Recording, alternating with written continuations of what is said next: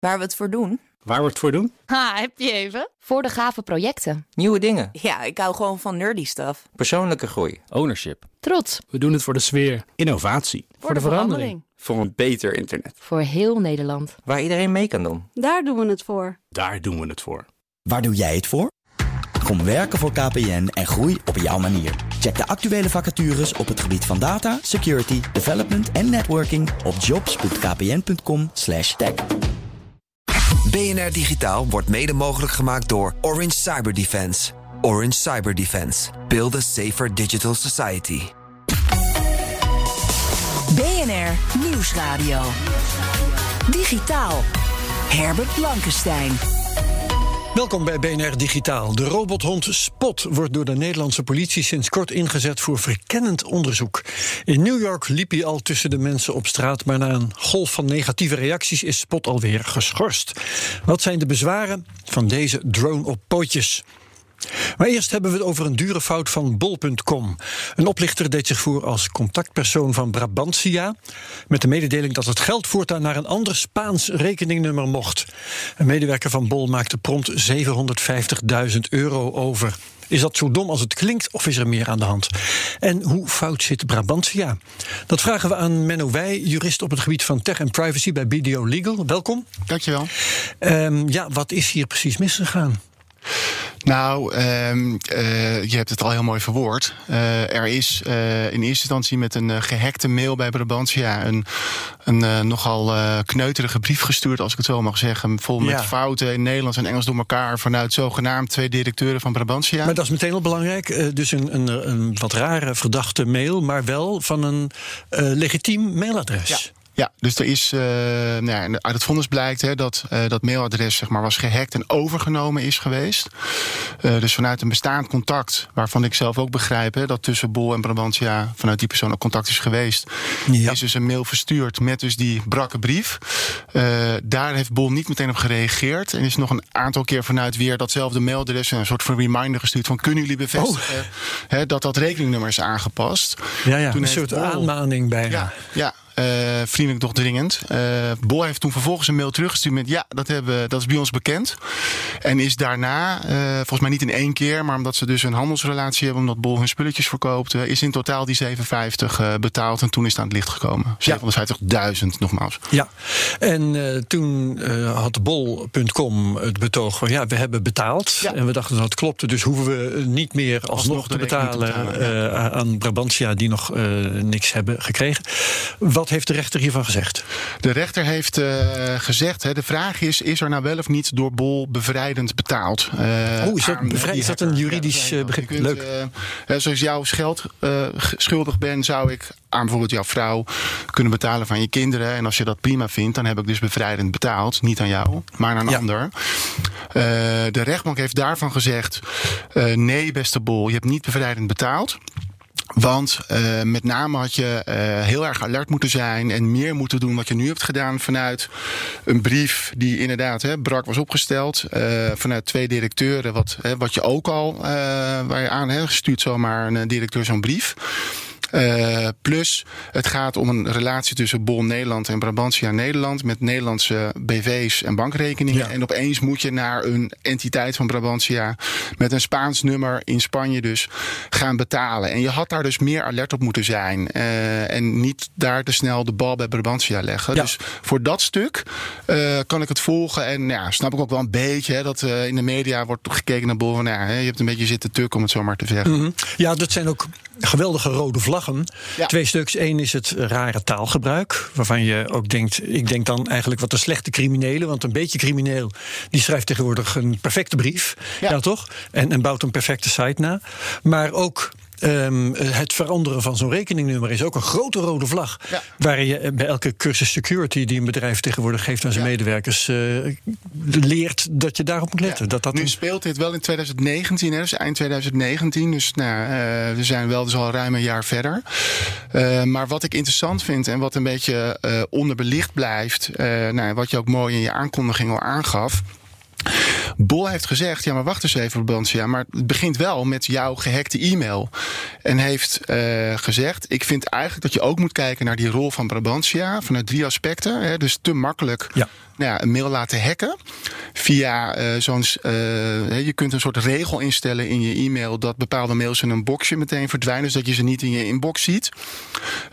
Dat is dus ook gebeurd, want ja, die betreffende mevrouw volgens mij, die, die werkte wel bij Brabantia, maar heeft die mails ook dat antwoord van Bol dus niet gezien. Dus daar was iets gebeurd. En als derde hebben we geroepen, we vinden dat je twee-factor uh, authenticatie had moeten toepassen. Dus dat je nou, hè, met inloggen, met een extra slot op de deur, met via een extra sms, et cetera. Uh, ja, je hebt het nu over de gebeurtenissen waardoor Brabantia ja. gehackt is. Ja. Ja. En Bol heeft gezegd: ik vind dat je dat mee moet nemen in die afweging. Technisch juridisch komt het neer op dat je dan zegt: er is of in het kader van die handelsrelatie heeft daar Brabantia contractbreuk gepleegd of onrechtmatig gehandeld. En komt je een beroep op verrekening toe via een soort van eigen schuld en schade. En daar gebeurt iets geks. De rechtbank zegt twee dingen, namelijk één, dit komt best wel laat in de procedure op ter zitting. En twee zegt, ik heb niet kunnen vaststellen uh, dat er een verplichting is vanuit Brabantia om dat richting bol te doen. Bijvoorbeeld uit hoofden van het contract. Mm -hmm. Maar ik vind dat kort door de bocht. Uh, dus vandaar ook mijn uh, stelling op LinkedIn. Ik, uh, ik, begrijp dat Bol overweegt om in hoger beroep te gaan. En op deze ja. punten, die ik wel valide vind, is eigenlijk uh, niet geoordeeld. Omdat de rechter ja. zegt, ik kan er nu niet zoveel mee. Maar die had wel kunnen zeggen, we zetten die procedure voort... en we gaan er nog nader naar kijken. Ja, want ik vind het uh, wel heel wonderlijk klinken dat de rechter zegt... nou, je komt een beetje laat met uh, deze overweging, daar kijk ik niet meer naar. Ja. Een overweging is toch geldig of niet, zou ik zeggen? Ja, dat zijn de, de, de grillen van procederen... die ik natuurlijk toen ik nog advocaat was ook heb meegemaakt. Hè. Dus als je soms te laat komt of je kunt ja. vijf kantjes volschrijven... en nog steeds lees je het vonnis nou onvoldoende gemotiveerd. Hm. Dat dit is iets er een beetje bij. Maar ja, ze hadden dit wel kunnen onderzoeken als ze er echt iets mee hadden gedaan. Ja, uh, als ik jou zo hoor, een andere rechter had hier misschien anders mee uh, omgegaan. Zou hier anders mee zijn omgegaan? Ja, had gewoon kunnen zeggen, we gaan dat toch nader bekijken. En dan kan je zeggen, bol, dat moet je zelf nader aantonen. Geef maar een bewijsopdracht. Ga, laat maar een deskundige dat uitzoeken. Ja. Uh, misschien getuigen. Maar nu wel zeggen, het zijn valide argumenten. Dus ik vind dat het vonnis goed leest. En in de opbouw ook komt dit als laatste nog boven. denk je, hey, verrek, inderdaad. Uh, maar dan staat er eigenlijk in twee zinnen, nou ja, het is een beetje laat en uh, we laten het dan voor nu maar zitten. We kunnen er niet zoveel over zeggen, dus we wijzen het af. Ja, oké. Um, jij zei ook al, uh, Bol is een beetje de risée van nou, Twitter bijvoorbeeld. Hè, daar is ontzettend veel over ge gezegd hierover. Is dit nou een hele domme fout waar je een bedrijf om kunt uitlachen? Of kan dit eigenlijk iedereen nog steeds overkomen? Het gebeurt. Uh, en het is Bos niet de enige. Uh, kijk, wat. En dat, dat zullen ze zelf ook een beetje zien. Hè. Gewoon puur alleen die brief. Hè, die, sorry, die echt hele brakke brief. Ja. Uh, dan snap ik dat mensen wel een beetje gaan lachen met uh, joh. Maar in de context dat die mails een keer verzonden. Daar heeft Bol volgens het vonnis dan niet zoveel mee gedaan. Dan komt een reminder in het Nederlands. Hè, dus in de hele context bezien. Uh, ja, kan ik me voorstellen, nogmaals, dat dit dus gebeurt. Uh, ze zullen ja. er zelf ook niet trots op zijn. En het gebeurt anderen ook. En ik hoop heel erg voor ze dat ze ervan leren. En dat dus minder makkelijk nu uh, dit soort dingen gebeuren. Maar ja, stel ja. nou dat die brief wel perfect Nederlands was geweest. Hè, dus uh, ik ben ook wel benieuwd hoe het dan gaat. Uh, ja, uh, precies. En, en wat ik me ook afvraag, het, het feit dat uh, dit nou uit een, uh, uit een um, kosher domein kwam. Hè. Ja. Het leek echt uit Brabantia te komen. Ja, het komt ook echt vanuit Brabantia. Ja. Hè? Dus is, is, dat, is dat iets wat een uh, mail uh, rechtsgeldig kan maken? Dat, dat je als ontvanger echt kunt zeggen van ja, maar luister eens eventjes, uh, zorg anders maar dat je bij de e-mail je eigen zaakjes op orde hebt. Ja, eigenlijk is het een beetje wat Bol ook zegt. Hè? Dus het is ja. een, het is een uh, factor van belang. Uh, het feit dat je dus inderdaad van iemand die daadwerkelijk bestaat, waar je contact mee hebt gehad, en vanuit dat mailadres komt er een mail met tekst. Ja. Dan mag je wel natuurlijk in in de basis vertrouwen op. Nou, dat is dus iemand vanuit Brabantia die mij een mail stuurt met iets. Maar dan moet je wel naar de hele context kijken. En kan je hier dus die brief, die oorspronkelijke hele brakke brief, ja. kan je dan ook niet negeren. Maar nee, het is nee, nee. absoluut een punt van overweging. En ja, ik, nogmaals, ik snap dat Bol, als ze het zouden doen, op haar argumenten met, joh, maar is bij Brabantia ook niet nog, hè, hebben ze een beetje eigen schuld aan het ontstaan van die hack. Ja. Dus echt wel een, toch een enerzijds, anderzijds kwestie. Nou is, het, nou is het zo dat er geld is overgemaakt naar een Spaanse bank. Ja. Eh, dat, is, ja, dat is een beschaafd land, eh, niet ver weg. Eh, het, is, het is ook Europa, zal ik maar zeggen. Ja. Wat kan nou... Het slachtoffer is nu bol.com van deze hele oplichtingsaffaire, eh, financieel slachtoffer in elk geval. Wat kunnen zij nou juridisch doen om bijvoorbeeld dat geld terug te krijgen? Ja, nou je kunt natuurlijk eh, dan wel hier, dan wel in Spanje naar de politie stappen en kijken of daar iets gebeurt. Ik, ik weet niet of daar dan vervolgens ook zeg maar. Nou ja, Het moet toch te achterhalen zijn wie zo'n rekening beheert of wie hem ooit Nou, heeft ja, gecreëerd. precies. Dus stap 2 is, ehm, je gaat naar die betreffende bank en je zegt, joh, dit is het verhaal. Ehm, ik heb een hele goede reden om te achterhalen wie er achter eh, die bankgegevens zit. Ja. Maar dan zou je wel ook naar Spaans recht moeten kijken. Ja, Eh, er is evident misleiding heeft er plaatsgevonden, toch? Dat is toch. Zeker. eh, ik Nee, weet niet wat juridisch een overweging is, maar. eh, hier wordt, eh, dit zijn gewoon boeven. Ja. Die mensen die met dat geld er vandoor Want normaal zegt een bank: ja, hoor eens, je hebt zelf overgemaakt, dus daar doen we verder niks meer aan. Ja, dat is waar. Eh, dat is iets wat volgens mij bij de Consumentenbond ook nu eh, speelt vanuit eh, nou ja, consumenten die in dat soort eh, eh, nou ja, gedoe trappen en dus Ja. geld kwijt. Hè, van ja, je hebt zelf op die knop overmaken gedrukt. Ik, eh, het zou denk ik goed zijn als daar wat mee gebeurt. Ehm, maar ik vind de balans moet wel een beetje in het midden blijven zitten. Dus uiteindelijk, ja, ik druk als ik erin trap inderdaad op een knop en ik maak over omdat ik denk dat mijn moeder me een appje heeft gestuurd, maar Ja. het blijkt toch een hack te zijn of zoals hier Bol. Ehm, maar aan de andere kant vind ik het ook te gemakkelijk vanuit de banken. Van ja, weet je, sorry, maar je hebt toch echt eh, je hebt zelf ingestemd. Dus zoek het dan ook zelf maar uit. Daar zit volgens mij wel ja, een eh, gulden middenweg. Ja, maar er is dus niet een eh, juridisch duidelijke situatie dat je kunt zeggen: van hé, hey, ik, ben, ik ben belazerd, eh, bankwerkers mee. Op dit moment is de situatie naar Nederlands recht, hè, volgens onze eigen wetboek, Ja. ehm, dat ehm, gebeurt het met instemming.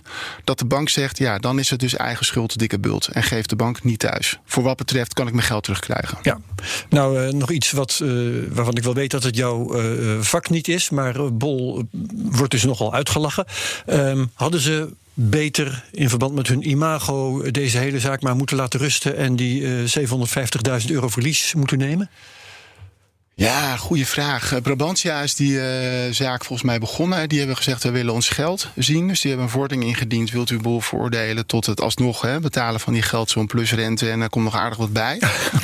Eh, ik geloof bijna 20.000 euro als ik het even snel zag. Ehm, ja, kijk, je weet, een vonnis is eh, openbaar. Ehm, Waarom? Ehm, maar nogmaals, Bol heeft een overweging gemaakt om die procedure wel aan te gaan. En vanuit de argumenten, hè, die eigen schuldargumenten van Brabantia.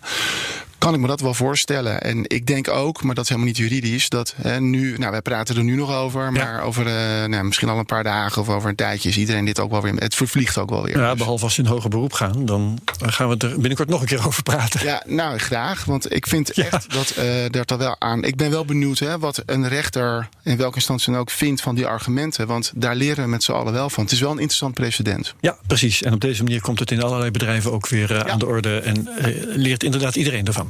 Mooi zo, dankjewel uh, Menno Wij. Blijf bij ons voor het volgende onderwerp. Digitaal.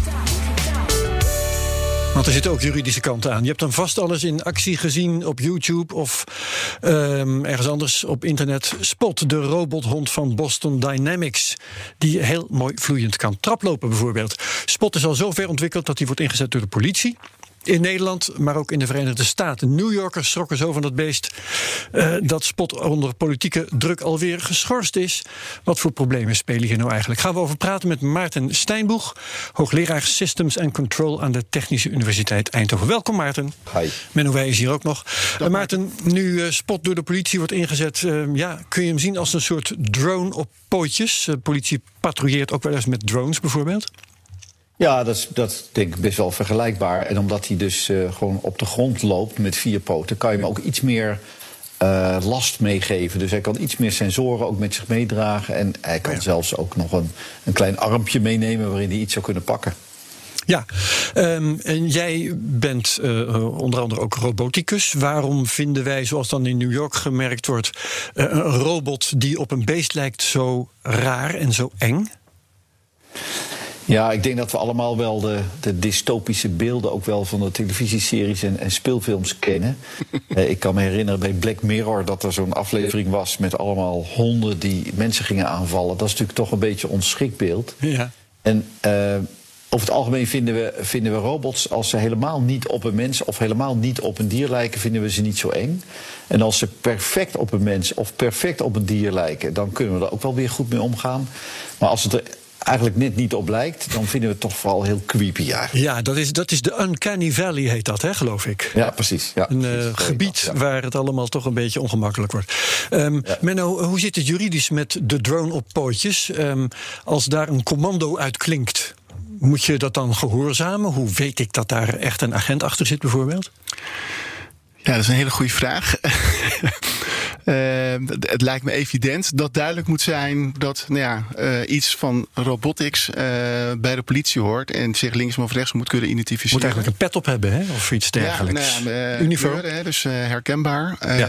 Kijk, ik denk dat nu nog altijd, en de inzet in Nederland van die robothond is wel hè, duidelijk nog met nou, dienders erbij. Dus, en met drones die kunnen praten, zit volgens mij uiteindelijk ook een poppetje ergens via een microfoon wat te roepen. maar toekomstbeeld, hè, als het echt autonome systeem systemen worden. Daar zul je wel iets moeten bedenken. Weten we heel zeker dat deze wel echt van de politie of uh, nou ja, een handhavende instantie is. Ja, dus wat weten we nog niet, maar iets van herkenbaarheid moet daar dat hoe minimaal, dan ook. minimaal, maar ik denk wel meer. Ja. ja. Uh, Maarten Steinboeg, uh, waarom heeft Boston Dynamics dit ding Spot ook alweer ontwikkeld? Nou ja, Boston Dynamics is een bedrijf wat eigenlijk al 25 jaar lang onderzoek doet. Vooral uh, met geld van het ministerie van Defensie van in, de, in de Verenigde Staten. Uh, en hun hele idee was om robotica te ontwikkelen voor militaire conflicten. He, je, kan je, best, je kan best eens een, een ethische discussie over, opzetten. Zouden we liever twee legers van robots tegen elkaar willen laten vechten? Of, of willen we dan toch liever mensen tegen elkaar laten vechten? Wat we in ieder geval niet ja. willen, is een leger van robots tegen een leger van mensen. Daar heeft de Verenigde Naties ook al een uitspraak over gedaan. Maar Boston Dynamics, even terug naar dat bedrijf, die hebben de, onder meer de Atlas ontwikkeld. Mensen kennen die video's wel. He, dit is op zo'n mensachtige robot die in de sneeuw loopt en dan zelfs niet hoeft uit te glijden. Ja, ja, ja. Uh, geweldige ontwikkeling, echt heel veel geld ingestoken. Tot nu toe hadden ze eigenlijk niks wat ze ook commercieel voor de gewone markt hebben ontwikkeld. En, en de, de Spot-robot, dus die hond, is eigenlijk het eerste commerciële product wat ze eigenlijk op basis van al die militaire kennis hebben ontwikkeld. Hebben ze nou in die hond gestopt. Hij ja. kost wel een flinke een flinke dure auto, zeg maar. 80.000 dollar of zo kost het. Oh ja, de dat viel mij eerlijk gezegd Maarten, heel erg mee. Ja? Toen ik dat las, dacht ik, hè? Ik had verwacht dat zo'n ding een paar ton zou kosten. Ja, jij koopt nee, meteen nee, nee, nee, nee. Ik, ik denk dat zo'n ja, Mijn kinderen willen een hond. Ja. Sorry Maarten, Zo'n ja. mens, zo mensachtige robot is nog veel... Dat, dan praat je echt over een paar ton, hè, want die moet kunnen balanceren op twee benen. Dit is relatief eenvoudiger, want je hebt vier poten. Maar het is toch alweer ja. weer een slag duurder dan onze voetbalrobots... Hè, waar we nog steeds wereldkampioen mee zijn. Herbert kent ze goed. En, en die rijden op drie wielen. En, en, en één zo'n systeem van onze voetbalrobot kost ook orde grootte 25.000 euro. Als je daar niet te veel oplagen van zou maken. Uh, dus die 80.000 euro had ik eigenlijk wel verwacht. Ja, ja, ja. oké. Um, dus die hond die is nou in New York losgelaten. De Nederlandse politie is er ook mee bezig, kom ik zo op. Maar hoe wordt die nou eigenlijk bestuurd? Gaat het met een pookje op afstand? Of bestuurt dat beest zichzelf met een of andere vorm van intelligentie? Nou ja, je kan, je kan hem zelf ook bestellen. Hè. Dus uh, uh, ik weet op tenminste één, één groep uh, in Nederland heeft hem gekocht als kennisinstelling en de politie heeft er ook eentje. Mm-hmm. Je kan hem autonome functies geven. Dus je kan hem gewoon programmeren dat hij iets doet. Dat hij, dat hij in een ruimte op zoek gaat naar, naar iets. maar je kan hem ook op afstand be besturen. En de, de politie in Nederland heeft hem tot nu toe ingezet bij het, het ontdekken van een drugslab of zo ergens. Of het inspecteren. En dat ja. vind ik eigenlijk ook wel de goede toepassingen. Dat je op afstand uh, op afstand bestuurt. Die robot ergens naar binnen gaat. Waar drugs worden verhandeld. Of, of in ieder geval drugs worden gemaakt. Of waar rook is. Hè, als er brand is. Dat je zo'n robot naar binnen kan sturen op afstand bestuurt. En ik kan me voorstellen dat commerciële bedrijven zo'n robot zouden willen kopen als beveiliging op hun bedrijventerrein. Ja. He, dan, dan kan zo'n robot binnen een, een, een, dichte afrastering rondlopen met een camera en kijken of hij onraad ziet. Het mooie van zo'n robot is dat hij echt over gras kan lopen. He, want hij heeft echt poten waarmee over die, dat gras. Ja, Zo'n ja. surveillance robot toepassing hè, op zo'n bedrijventerrein, dat, dat is echt een autonome functie waarvoor je hem gewoon goed kan programmeren. Ja, en um, ja, dan gaat het weer over hoe het publiek daarop reageert. Uh, is, is het niet zo dat hoe zelfstandiger die robots rondlopen, hoe ongemakkelijker mensen het vinden? Ja, de, de, kijk, ik vind eigenlijk dat je wel een beetje moet uitkijken als politie zijn. En eigenlijk is die case in Amerika heeft dat laten zien. Ik vind dat je wel moet uitkijken om zo'n robot echt eh, in te zetten als er veel mensen in de buurt zijn. Hè, voor mensen is een, een agent op een, op een paard al best een imponerend iets. Ja. Nou is die, die robothond is veel kleiner dan het paard, maar is wel een technisch eng ding. Uh, en als daar geen agent naast loopt, Ja. dan, dan is die zelfs een beetje freaky. En ik, ik denk dat het dan voor de mensen in de perceptie, in de beleving niet uitmaakt of je nou weet of niet weet of daar op een verre afstand iemand achter de joystick zit. Ja. Ik denk gewoon dat het ding er eng uitziet. En ik vind dus dat je heel terughoudend zou moeten zijn vanuit de handhaving om dit in te zetten bij, bij eh, menigtes van mensen. Want ik, ik denk dat het averechts werkt, eerlijk gezegd. Ja, en ehm, ik stel me voor, wat, wat ik van de techniek weet op dit moment, dat als je zo'n robot een goede schop geeft, dat die dan ook wel is uitgeschakeld. Dus misschien moet de politie dat ook uit eigen belang maar achterwege laten. Nou ja, het is natuurlijk best een duur ding. En Ja. als, je daar, als, je, als je bijvoorbeeld railschoppers hebt die met stenen gooien. Ja, ik bedoel, eh, stel je maar voor dat er zo'n robot op je afkomt. Het eerste wat je doet is natuurlijk gewoon een paar stenen of stoeptegels pakken en die naar die robot gooien. En Ja. dat, dat is toch wel een snelle kapitaalvernietiging. En misschien gaan mensen dat ook wel eerder doen dan met een levend wezen zoals een paard. Eh, hè, de- eh, Waarschijnlijk wat? wel, Een, ja. eh, zo, ja, zo'n zo'n zo'n bluswagen of die, eh, hoe noem je dat? Zo'n eh, Ja. wagen van de politie. Waterkanon eh, bedoel je? Die bedoel ik. Ja. Ja. weet je, dat lokt ook agressie uit. Dus Ja, ik dat denk dat het gewoon niet verstandig is om zo'n robot in te zetten als je juist een menigte tot rust wil brengen. Dat Ja. zou ik niet doen. Ja, en eh, Menno, jij zei al iets over kunstmatige intelligentie. Ehm, de Europese Commissie wil kunstmatige intelligentie gaan reguleren. Daar zijn allerlei plannen voor. Eh, gezichtsherkenning, software die burgerzaken automatisch regelt. Hoe past zo'n robot in dat plaatje? Wat eh, zijn de consequenties van AI-regulering daarvoor? Eh, er is nu een soort van ehm, zeg maar, ehm, eh, inschatting gemaakt van wat is het risico, het gevaar van AI. En dat wordt dan gelabeld met nou ja, zeg maar onacceptabel, hoog risico of acceptabel of te doen. Ehm, en vooral vanuit hè, law enforcement, dus vanuit eh, handhaving, wordt gezegd: eh, dan zit je gauw wel op het niveau ehm, hè, risico hoog. Ehm, en worden zelfs bepaalde toepassingen uitgesloten of mag alleen hè, bij eh, noodzaak als het in de wet is vastgelegd. Dus algoritmes die nou ja, gaan beoordelen: heb ik het wel of niet gedaan? Daar vinden ze iets van in dat hele hoge risico. Ja. Identificatie, dus via biometrische aspecten identificeren, vinden ze ook. Is dit gezicht van de dader? Ja, ja, Ja. exact. Ehm, dus zit je ook hoog. Eh, wat ik nu zelf begrijp uit de wetge of eh, sorry, de media ehm, in Nederland, is dat hij wordt hier ingezet inderdaad hè, om eh, risico van eh, bij drugslaboratoria met gevaarlijke stoffen en eigenlijk ter bescherming van de handhaver zelf, om dan eh, hè, die hond spot in te zetten. Vanuit daar heb ik de indruk dat vanuit die eh, concept regelgeving, die regulering die er ligt, dat dat niet zo'n big deal zou moeten zijn. Nee, maar als je op straat zou rondlopen, eh, bijvoorbeeld voor crowd control, ik verzin maar wat, Ja. dan wordt het een ander verhaal. Ja, hè, wordt het in, nou, ik ben uit de tijdperk Robocop, dus eh, wordt het een soort Robocop. eh, en dan, eh, had je eerst die prototype die al die hele zaal neermaait, kwam ik nog Ja. in uit die film. Maar die helemaal als autonoom, dat, ja, dan zit je hoog op dat aandachtslijstje, Ja. absoluut. Maarten Steinboeg, ehm, wat betekent eigenlijk zo'n robothond voor de toegepaste robotica en, en de ontwikkeling van kunstmatige intelligentie? Heeft, is zo'n ding van belang? Ja, nou zeker wel. Want eh, het is natuurlijk gewoon de volgende stap naar het nadenken om, om technische systemen te ontwikkelen. die bijvoorbeeld kunnen zorgen dat mensen wat langer thuis kunnen wonen met hulp van technische systemen. Ik, ik noem vaak de stofzuigrobot, die we eigenlijk heel normaal vinden. Intussen, ja. de stofzuigrobot is natuurlijk ook gewoon een robot die, die sensoren heeft, om zich heen kijkt en dan actie neemt. En, en in dit geval gewoon je stof als het goed is wegneemt. Maar kijk, en als je daar een paar pootjes onder zet, dan heb je al heel snel een robothond. Dus, wat ik wel, dus we kunnen er heel veel van leren. Eh, de, de, de moderne autotechniek gaat natuurlijk ook helemaal die kant op van heel veel ondersteunende automatische algoritmes die, die het eh, veel veiliger maken op de weg. Eh, het, het sociale aspect, dat is natuurlijk bij deze hond een, een heel speciaal aspect, omdat we het als mens echt interpreteren, als een namaakdier, zeg maar. Wat ik heel interessant zou vinden, is stel nou dat die prijs flink gaat dalen. Hè, dat, dat er zoveel gemaakt worden dat die prijs gaat zakken naar misschien 30.000 of 20.000 of 10.000 euro op termijn. Hè. Stel even, het is 10.000 euro. Misschien zijn er dan rijke mensen die zo'n spothond aanschaffen, zo'n robothond, als een verzetje. En stel nou eens even dat je buiten loopt en zo iemand komt jou tegemoet met zo'n spothond naast zich. Dan, dan, dan, Aan de lijn is graag, hè? Ja, er is geen ethisch. Ja, dat, dat, dat bedoel ik. Dus er is geen ethisch probleem. Je voldoet aan de regelgeving. Ja. Die hond die doet niks. Maar het gaat toch tot vreemde situaties leiden. En ik, ik ben heel benieuwd hoe, hoe zich dat gaat ontwikkelen. Ja. Ja, ja, ja. Oké, wat moet de Nederlandse overheid eh, eh, om, te, om te beginnen doen met deze dingen? Surveillance, handhaving of toch defensie? Wat is de beste toepassing daarvoor? Ja, ik, ik, ik denk dat de commerciële bedrijven, dus voor bedrijventerreinen, eh, dat het een hele goede is om daar dit soort eh, systemen in te zetten. Dus in de particuliere Ja. sector. Ik denk voor handhaving dat het ontzettend fijn is dat brandweer en hulpdiensten dit soort systemen hebben om inderdaad in gevaarlijke situaties Ja. toch hulp te kunnen bieden. Ja. Dus ofwel voor mensen die, die binnen zijn dat je die hulp kan bieden, ofwel ter bescherming van de, van de brandweerlieden zelf. Dus dat lijkt me het allerbelangrijkste. Ja. Voor handhaving zou ik het niet gebruiken.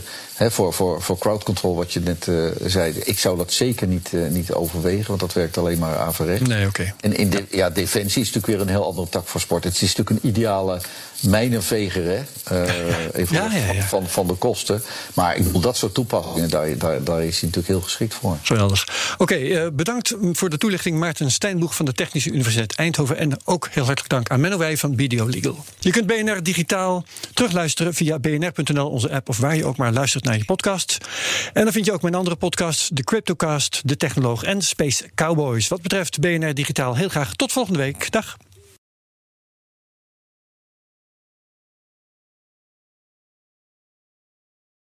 BNR Digitaal wordt mede mogelijk gemaakt door Orange Cyber Defense. Orange Cyber Defense. Build a safer digital society.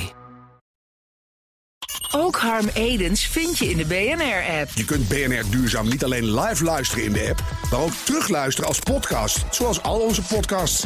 En naast dat de BNR-app Breaking News meldt, houden we je ook op de hoogte van het laatste zakelijke nieuws. Download nu de gratis BNR-app en blijf scherp.